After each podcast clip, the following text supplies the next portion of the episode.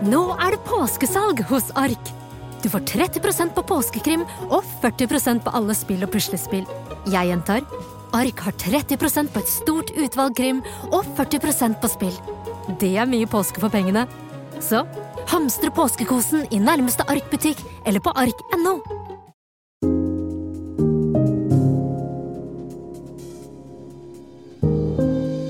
Fredrik og Kadafi, en podkast fra TV 2. Er vi da klare, Mikael Skorbakk? Veldig bra. Guri Melby, velkommen. Tusen takk.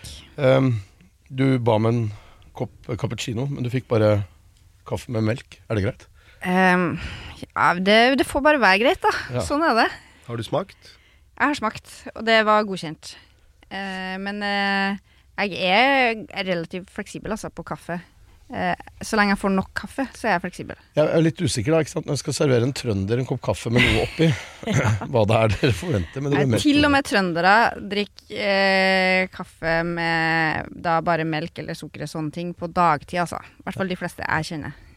Hvordan går det med partiet ditt? Du, jeg syns egentlig det går ganske bra, jeg. Eh, Venstre har jo hatt uh, turbulente tider før. Men nå har vi vel faktisk, jeg tror alle månedene etter stortingsvalget i 2021, så har vi hatt et snitt på over sperregrensa. Så for oss så er jo det egentlig veldig bra. Jeg var litt frekk med deg når du kom inn her i sted med to stykker på slep, og så sa jeg har du tatt med hele partiet. Eh, det bare glapp ut av meg. Altså, jo, jeg har jo levd med sånne vitser hele mitt politiske liv. Sånne landsmøter i telefonkiosk og sånn. Uh, vi er større enn det, altså. Men jeg liker faktisk ofte å si at uh, det er faktisk noen fordeler med å være et ikke så altfor stort parti òg. Når jeg reiser rundt og møter lokalpolitikerne våre, f.eks., så fremhever jeg jo at vi har en del sånn smådriftsfordeler. At det er ganske kort vei da, fra det enkelte medlem og den enkelte lokalpolitikeren opp til meg som er leder. Og at jeg tror nok at uh, vi er litt enklere å få tak i, og det er litt lettere å få gjennomslag i vårt parti enn i veldig store parti. Hvor mange er dere på Stortinget nå? Venstre har åtte representanter på Stortinget, som egentlig er sånn nesten perfekt størrelse på ei gruppe på én måte. Fordi at du er jo liten nok til at alle får viktige oppgaver. Ikke sant? Alle er jo talspersonen i sin komité. Mange partier som har kanskje tre-fire i hver komité, opplever jo at det kanskje blir litt kniving om posisjonene og sånn. Så jeg skulle gjerne hatt uh, tre-fire til for å dekke alle komiteer. Men ellers så er vi en veldig fin gjeng, altså. Tre-fire Abid Raja til? Altså, hvis jeg hadde fått tre-fire Abid Raja, så da hadde det vært masse energi der. Så jeg hadde gjerne tatt det, altså. Eh, nå, nå, var du veldig flink til å fremheve alle de positive tingene med å være et lite parti, men dere har jo også lagt dere på et sted der hvor dere kan eh, Som gjør at dere får mye makt. Da. Dere ja. posisjonerer dere jo godt, og alle prøver liksom å være venner med dere. Ja, altså det er jo fordelen med å være sånn i sentrum, da. Det å ikke være et fløyparti er jo at du har flere veier til innflytelse. Altså, vi har jo hatt vårt foretrukne samarbeid på borgerlig side de siste ja, 20-30 åra, egentlig. Eh, og fått det veldig mye bra der, da, syns vi. Men eh, nå nylig så inngikk jo f.eks. et forlik med regjeringene da, eh, om eh, grunnrenteskatt for havbruk, populært kalt lakseskatt, f.eks. Og jeg er opptatt av at vi skal være et tydelig parti, vi skal være et opposisjonsparti, men de fleste som er med i Venstre, de er med for at de har lyst til å påvirke. De har lyst til å være med å påvirke både Norge og verden, og da må man faktisk sette seg ned og forhandle, også når man er i opposisjon. Og det kan vi med den rollen vi har. Og i Bergen så har dere jo samarbeidet godt med Arbeiderpartiet? Ja, og det har Bergen Venstre gjort, først og fremst for å få bygd en bybane i den byen. Ja. Og hva er resultatet nå? Jo, det er bybane. Ja, det og det kommer til å bli Ja, men det kommer til å bli mer bybane. Og hvis ikke Venstre hadde gått inn i samarbeid med Arbeiderpartiet da, så hadde det ikke vært bybane i Bergen. Det er min påstand. Så man kan selvsagt Jeg tipper at Bergen Venstre har sikkert mista noen velgere sånn på det de har gjort. Men de har fått til noe for byen sin som de har grunn til å være stolt over. Og akkurat nå har de også ganske gode målinger, så jeg håper jo at de får betalt for det i lokalvalget nå til høsten. Mm. Men alle er ikke så glad i den bybanen? Det, jeg tror de fleste som, har, som bruker Bybanen, syns at det er en fantastisk bra ting for utvikling av Bergen. Men det har jo vært veldig mye diskusjon om trasé. Hvor ja. skal den gå? Og den store diskusjonen de siste årene har jo vært skal du ha bybane over Bryggen eller ikke. Jeg tror mange av vi som bor i Oslo og har trikk over Rådhusplassen, syns det, ja, det er jo kjempefint å ha skinnegående trafikk eh, sånne steder, i stedet for en eh, motorvei som de har nå. Eh, så endelig har det jo da blitt om vi skal si enighet, men i hvert fall et kompromiss da, i bystyret som gjør at nå kan man gå videre med planen. Eh, og senest eh, for noen dager siden så hadde jeg møte med vår byråd der, som nå er på Stortinget for å sikre penger da, til dette prosjektet. Jeg tror hun får det til også. Eh, så jeg tror at vi får Bybane over Bryggen om noen år, men kanskje Venstre må fortsette å sitte med makta for at vi skal få det til. Jeg har bodd i den byen i 30 år, eh, Ja. og jeg har liksom fulgt den bybanedebatten. Eh, det har vært eh, interessant. Ja. Det virker som om det er det eneste bergenserne egentlig snakker om. Det er også hvor bra eller dårlig Brann gjør det. Ja, ikke sant. Men det, altså, det blir jo fort sånn i lokalpolitikken da, at det blir noen saker som overskygger det meste annet. Eh, jeg har jo vært lokalpolitiker i Oslo og opplevd at eh, debatten om E18 har liksom vært det ene store. En sak som egentlig ikke lokalpolitikerne bestemmer så mye over. Det er mange andre ting vi kanskje burde snakka mer om, sånn eh, hvordan vi skal få bygd nye skoler, eller eh, hvordan vi skal sikre at alle får barnehageplass når de trenger det eller billigere kollektivbilletter. Men det blir gjerne noen sånne store debatter som blir veldig dominerende. og Det er kanskje der uenigheten er størst, da. For ellers er vi jo også enige om mye, da, i lokalpolitikken. Hva syns du om den løsningen de har gjort med kollektivtrafikk i Stavanger? da? Ja, gratis, Gratis eh? Så ja, jeg er litt delt. Jeg syns jo altså det å ha Som tilgang Som mennesker pleier å være. Ja, ja. det er jo kjernen i vårt parti. Nei, men vi har jo lenge kjempa for billigere kollektivtransport. Eh, for jeg tror for mange så er prisen, om ikke det er en sånn hindring for å reise med buss eller eh, trikk, så eh, Det er jo noe med at eh, du må unngå at ting vipper i bilens favør, da. Altså Sjøl i dag i Oslo så er det sånn at hvis jeg kjører elbil til jobb, så er det billigere enn en kollektivbillett. Selv om vi har bomring og alt det her. Så det å sikre at kollektivtrafikken er det billigste alternativet, det mener jeg er en god prioritering. Men det, måten det her har kommet i stand på i Stavanger, framstår jo kanskje litt rotete og litt eh, eh, Hvordan skal de egentlig få det til? Eh, skal du dokumentere at du er innbygger i Stavanger f.eks. For, for å få den her gratisbilletten? Jeg tror det føles litt sånn kjipt hvis vi er på besøk der, og så må vi liksom legge fram noen form for bevis på at vi skal ha den der gratisbilletten. Så det virker kanskje litt lite gjennomarbeida, men initiativet syns jeg de skal ha kred for. Vi hadde um, Erna Solberg i studio og snakka om Arbeiderpartiet. De sliter jo. Synes du synd på Jonas Gahr Støre? Altså, jeg har jo sjøl opplevd hvordan det er å være i et parti der det er bråk og uro og dårlige målinger. Eh, og for så vidt så unner jeg jo ikke mine kollegaer å ha det sånn. Men eh, politikken er jo så et tøft og krevende sted. Eh, det er mange rundt deg som krever resultater av deg, og sånn er det. Og det tror jeg Jonas Gahr Støre, Støre tåler, da. Eh, så synd i han, det syns ikke jeg. Men eh, eh, innimellom så tenker jeg jo at eh, jeg unner jo ingen å ha den type dager på jobb. Det gjør jeg ikke. Men det er ikke sånn at når du møter han, så gir du en klem og trøster han litt? Og... Nei, men eh, Jonas skal ha det at han er alltid veldig hyggelig når du møter han. Eh, og det er alltid fint å snakke med han. Han er også veldig god på å skille på en måte jobb og politikk da, fra at det går an å ha det veldig ok sammen som mennesker, selv om man er uenig om noen ting. Eh, så eh, det er alltid fint å møte han. Men hvis det går så dårlig som det går da, med Arbeiderpartiet nå, så er jo du eh, kanskje statsråd igjen, da? Ja, og det syns jeg jo ville vært bra. ikke bare for at det er en veldig spennende jobb, men fordi jeg mener helt oppriktig at Norge trenger et skifte. Jeg mener regjeringa på mange områder fører oss i feil retning. Og jeg mener også at vi i mange av kommunene i landet her trenger et skifte. Vi trenger en mer eh, både ambisiøs, men ikke minst eh, gjennomførbar klimapolitikk. Vi trenger partier som virkelig satser på skole. Og vi trenger partier som skjønner hvordan næringslivet funker, for at vi skal ta landet i riktig retning. Hvilken statsrådpost?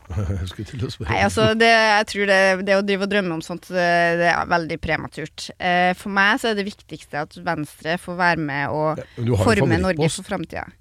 Jeg har opplevd å være kunnskapsminister, det var kjempegøy. Selv om vi var midt i en pandemi. Eh, for Venstre så er jo utdanning, eh, forskning, det å gi alle tilgang på en god skole, virkelig blant kjernesakene våre. Eh, så det kunne jeg godt ha jobba mer med. Men det er mange andre ting som er spennende og viktige også, så eh, jeg er fleksibel, jeg. Lytter, lytter du, Erna Solberg? Syns du MDG er et sånn litt irriterende parti? De kom jo og tok liksom en del av kjernesakene deres, eller en av kjernesakene, og har bygd opp en velgerskare på det. Ja, vet du, det som er litt interessant Mange hevder jo at liksom miljøpartiene ikke vokser. Men i dag ligger jo Venstre på sånn mellom 4,5 og 5% MDG ligger kanskje litt under 4 For 10-15 år siden så lå Venstre også på 4,5 til 5% så Venstre har jo ikke blitt mindre av at vi har fått MDG. Så jeg tenker det er bra da, at folk som er opptatt av miljø, faktisk kan stemme på flere partier Eh, fordi at folk som er opptatt av miljø, er også opptatt av andre ting. Så det går an å være f.eks. en ganske borgerlig anlagt velger som er opptatt av eh, lave skatter, opptatt av næringslivet og opptatt av miljø, og da kan du stemme Venstre. Mens du kan være en kanskje mer da sosialistisk orientert velger, eh, opptatt av at vi skal ha eh, ja, størst mulig offentlige tilbud. Og da kan du gå til f.eks. MDG eller kanskje SV. Eh, så jeg tror faktisk ikke vi spiser så mye av hverandres eh, grunnfjell. Jeg tror faktisk vi bidrar til å utvide eh, miljøvelgerne i Norge. Men hvorfor vokser dere ikke? Altså Du sa jo dere har jo vært sånn stabilt i mange, mange år. Ja, altså vi har jo vokst Hvis du sammenligner med forrige stortingsperiode, så var jo snittet vårt sånn rundt 2,5-3% på målingene. Eh, men det vi greide, var jo at etter at vi hadde vært i regjering en periode, så greide vi å holde nivået og faktisk gå litt fram etter valget. Noe jeg egentlig syns er en ganske god prestasjon. Er det at et lite parti sitter i en samarbeidsregjering og faktisk øke oppslutninga, selv om det er ganske lite. Jeg tror ikke det er så mange andre partier som har gjort det. De fleste partier opplever jo at de mister velgere når de går i regjering. Både Arbeiderpartiet og Senterpartiet nå har jo mista masse velgere. Det gjorde ikke Venstre. Og så har jo jeg både et håp og en ambisjon om at vi skal gjøre et lokalvalg nå som gjør at vi vokser. Hvordan tror du det går til høsten?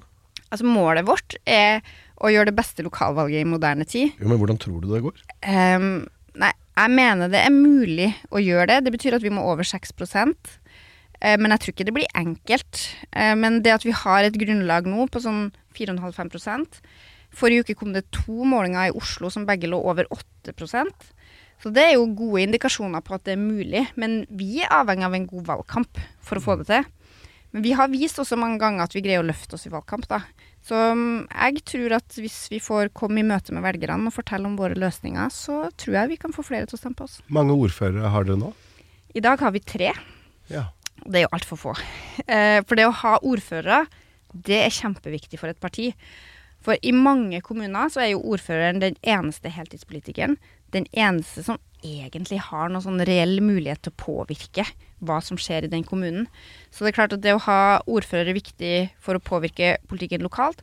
Og så er det også viktig for meg da, som leder av et parti å ha gode folk rundt omkring i landet som kan fortelle meg hva folk er opptatt av. Det at vi har en ordfører i Vanylven da, på Vestlandet, og i Nittedal her på Østlandet, dem kan jo jeg snakke med for å høre hva folk er opptatt av. Så jeg skulle gjerne hatt flere både i Nord-Norge og Trøndelag og her på Østlandet også, sånn at jeg hadde flere som var med å utvikle Venstre til å bli et enda bredere parti.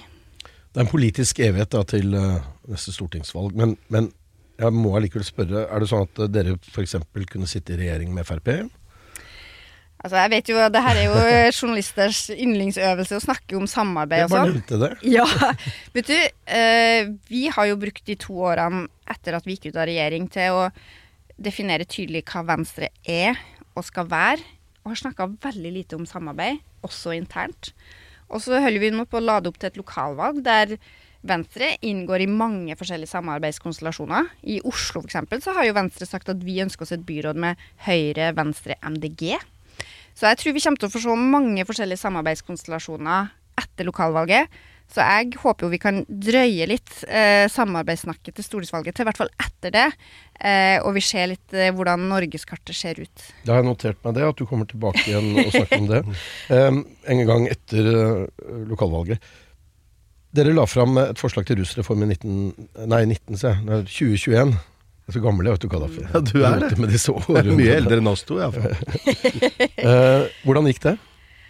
Vi la jo fram en veldig god rusreform. Kjernen var å gå fra straff til behandling eh, for folk som har eh, rusavhengighet.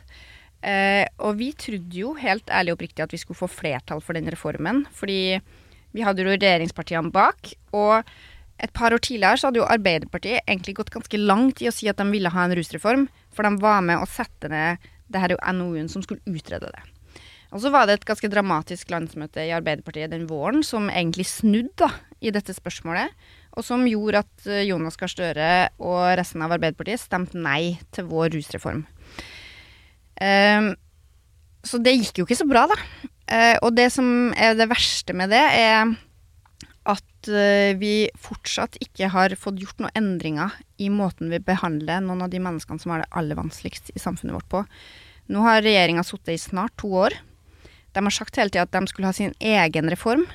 Det eneste som har skjedd på området, er at justisministeren har satt ned et utvalg som har fått frist til neste vår med å legge fram deres modell.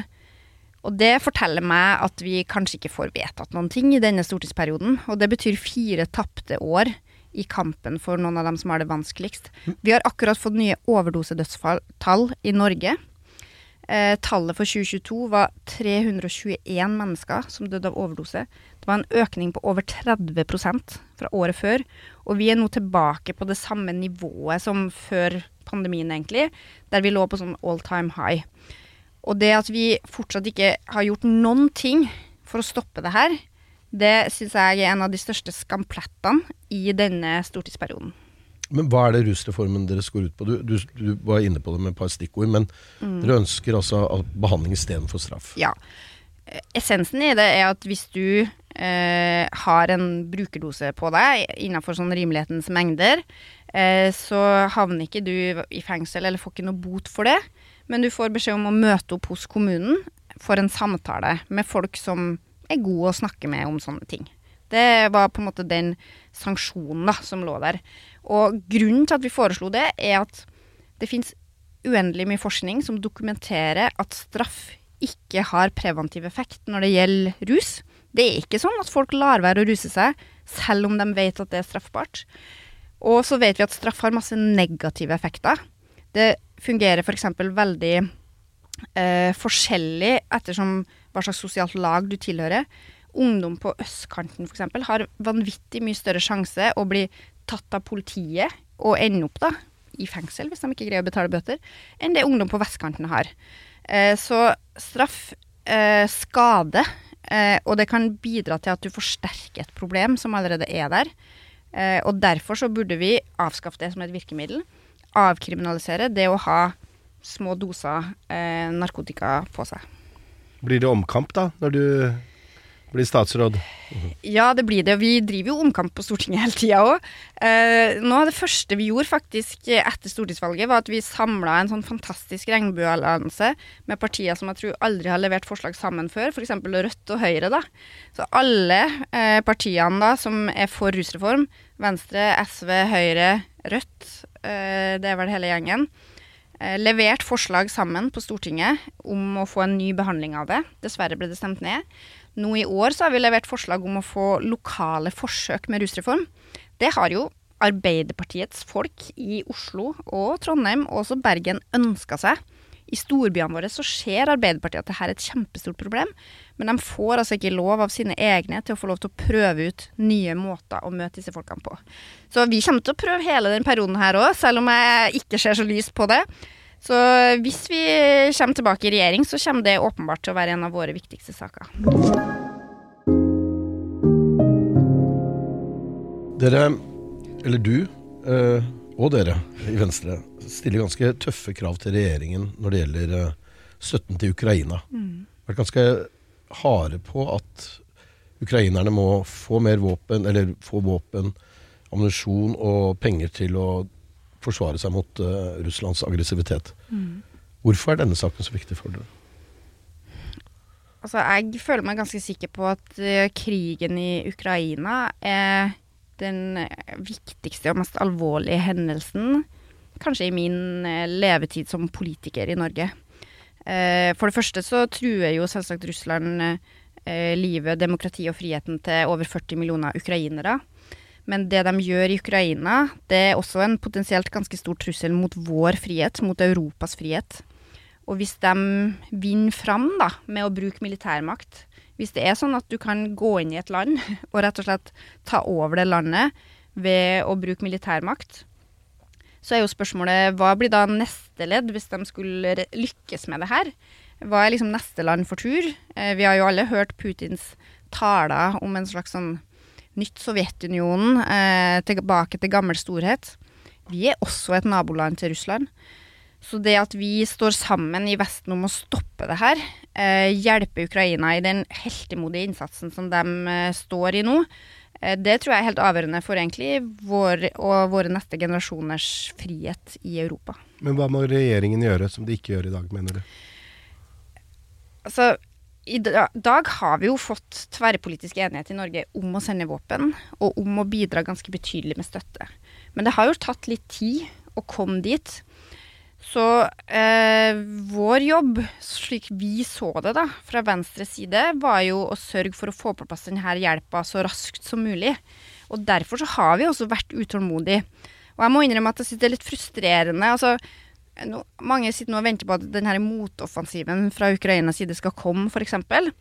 Og en av nøklene for at de skal kunne komme med den motoffensiven, er jo å vite at de har nok våpen og nok soldater som er skolert i å bruke de våpnene. Og hver eneste, måned vi bruker til liksom internseminarer om det er riktig å sende stridsvogner, eller å bidra til opplæring av F-16-piloter, det er en må måned tapt i kampen mot Russland. Og det betyr mest sannsynlig tusener flere døde ukrainere.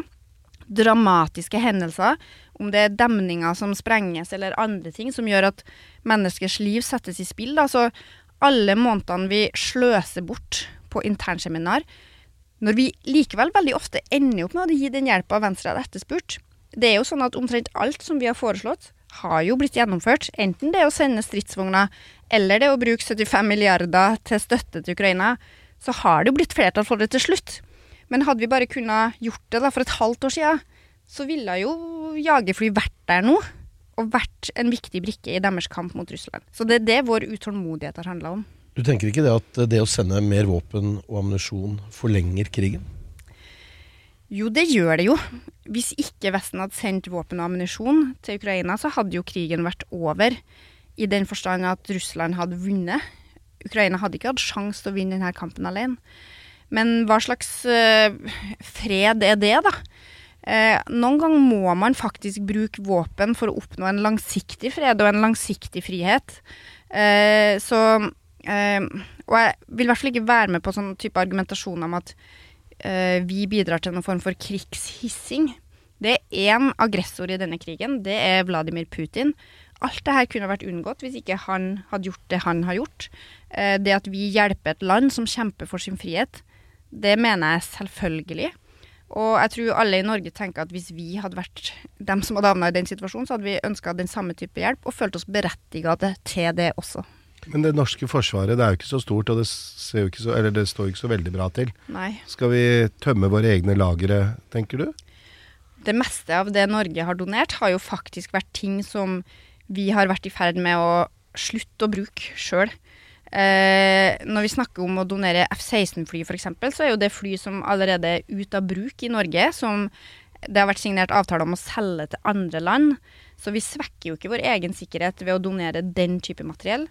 Eh, tvert imot så er det en viktig del av vår sikkerhet også at Ukraina vinner denne krigen. Men så det er, klart, gammelt utstyr du vil sende, eller gamle, gamle våpen? Altså, vi må jo hele tida finne en balanse her. Vi kan ikke donere alt vi har.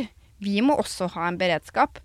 Men det som er litt interessant, er at selv om faren for krig i Europa, og som også da kan involvere oss, har økt, så er jo Russland akkurat nå ganske svekka, f.eks langs grensa i nord. De har jo veldig mange færre soldater der nå enn de vanligvis har. Sånn at den, en slags akutt fare for at de skulle spasere inn i Finnmark, f.eks., den er jo ikke veldig stor akkurat nå. Og det betyr at vi kanskje ikke trenger alle de stridsvognene i Norge akkurat nå, og at de gjør mer nytte for vår sikkerhet på bakken i Ukraina. Vi hadde forsvarssjefen på besøk her, og han sa jo det at uh, Ukraina nå kjemper Altså det er vårt forsvar. Mm, mm det at uh, Ukraina nå vinner denne krigen, eller klarer ja. å slå tilbake mot Russland, ja. forsvare seg. Og jeg er jo, altså jeg tror jo mange, Vi har liksom aldri tenkt på Norge som en forsvarsmakt. Eh, men det at vi faktisk har en del utstyr å bidra med som har vært helt avgjørende, bl.a. luftvern, da, det tror jeg jo mange, gjør mange nordmenn stolt. Og det er jo også en bekreftelse på at det her er utstyr som vil være viktig for oss, og som vi kan bygge på når vi skal bygge opp vårt eget forsvar. Hva er en god sommerdag for deg? Nei, det bør helst være litt varmt, da. eh, altså, du hører jo at jeg vokste opp i en annen del av landet enn der vi sitter akkurat nå. Så jeg har eh, hatt min andel kalde somre med mye regn og eh, ti grader og sånt eh, i Trøndelag. Så noe av det beste med å bo i Oslo er jo at vi har flere varme dager, og ikke minst at det varer langt utover kvelden. Jeg har jo en sånn eh, liten sånn eh, sykdom. Jeg greier jo aldri å gå hjemmefra uten jakke. For jeg tenker liksom alltid at det kan jo bli kaldt. så eh, senest på sommerfest med jobben i går, så gikk jeg nå rundt da, med en sånn ulljakke over skuldra hele dagen. Fikk aldri brukt den. Eh, men eh, varmt og godt, eh, gjerne da ut, enten det er med familie eller med gode venner eller kollegaer, det er det beste. Sommerfest med jobben, altså Stortinget, da. Ja, det, det er jo Stortinget. Tar det av? Ja, det er kanskje sånn man ikke skal snakke om. eh, Jo, det skal du Men, snakke om. nei, men du, det er alltid det alltid er egentlig derfor vi inviterte deg. Ja, ja, ikke sant? Eh, dere visste liksom ikke at det var denne uka. Eh, du, det er alltid veldig god stemning. Det er jo noe med folk som Vi har jo en ganske intens jobb. Du er tett på hverandre. Det er høyt adrenalin i perioder. Det kan være lange dager. Vi har valgkamper som er litt intens. Så det å få lov til å liksom senke skuldrene litt, spise god mat, drikke litt og kose seg Det er noen sånne faste elementer da, alltid eh, på en Venstre-sommerfest. Eksempel quiz. Eh, det må vi ha. Og de siste par årene så er det ofte også avslutta med en runde på et eller annet karaokested. Eh, så begge de to tingene er jo ting jeg liker godt, da, så jeg har det i hvert fall gøy. Er du sånn som synger på karaoke? Ja, jeg må innrømme det. Jeg tenker jo at eh, jeg må jo gå foran og vise at eh, det krever egentlig ikke noe talent for å synge på karaoke. Det krever bare engasjement og entusiasme. Eh, Så når folk ser at jeg kan gjøre det, så håper jeg de tenker at de også kan gjøre det. Hva er dere på Syng? Vi var det. Vi var det. Ifølge TV 2s kilder? ja, ganske åpne kilder her. Nei, altså, Jeg har ikke noe behov for å legge skjul på det, egentlig. Det, det som er bra med Syng, er jo muligheten til å reservere et rom for deg sjøl. Altså, det krever ganske mye å gå opp på en sånn karaokescene i en sånn åpen bar. Det, du hadde fått litt ekstra mye oppmerksomhet også. ja, det er litt sånn Det skjer fort noen kameraer som kommer opp og sånn. Eh, så det å kunne få et rom for deg sjøl eh, og bare, Bare deg? full- ja, Nei, noen flere må det være, da. Men bare oss, da. Bare dem du kjenner. Om det er tre venner, eller om det er 30 stykker fra jobben din. Det er jo det som er så perfekt med syng og den type steder.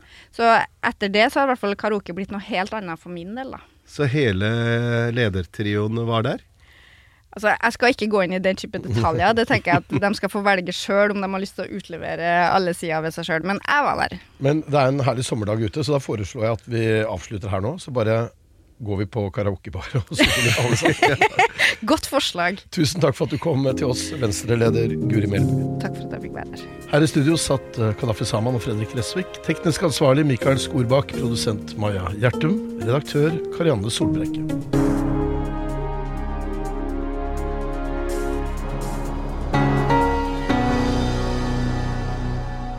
Denne podkasten er produsert av Bauer Media for TV 2.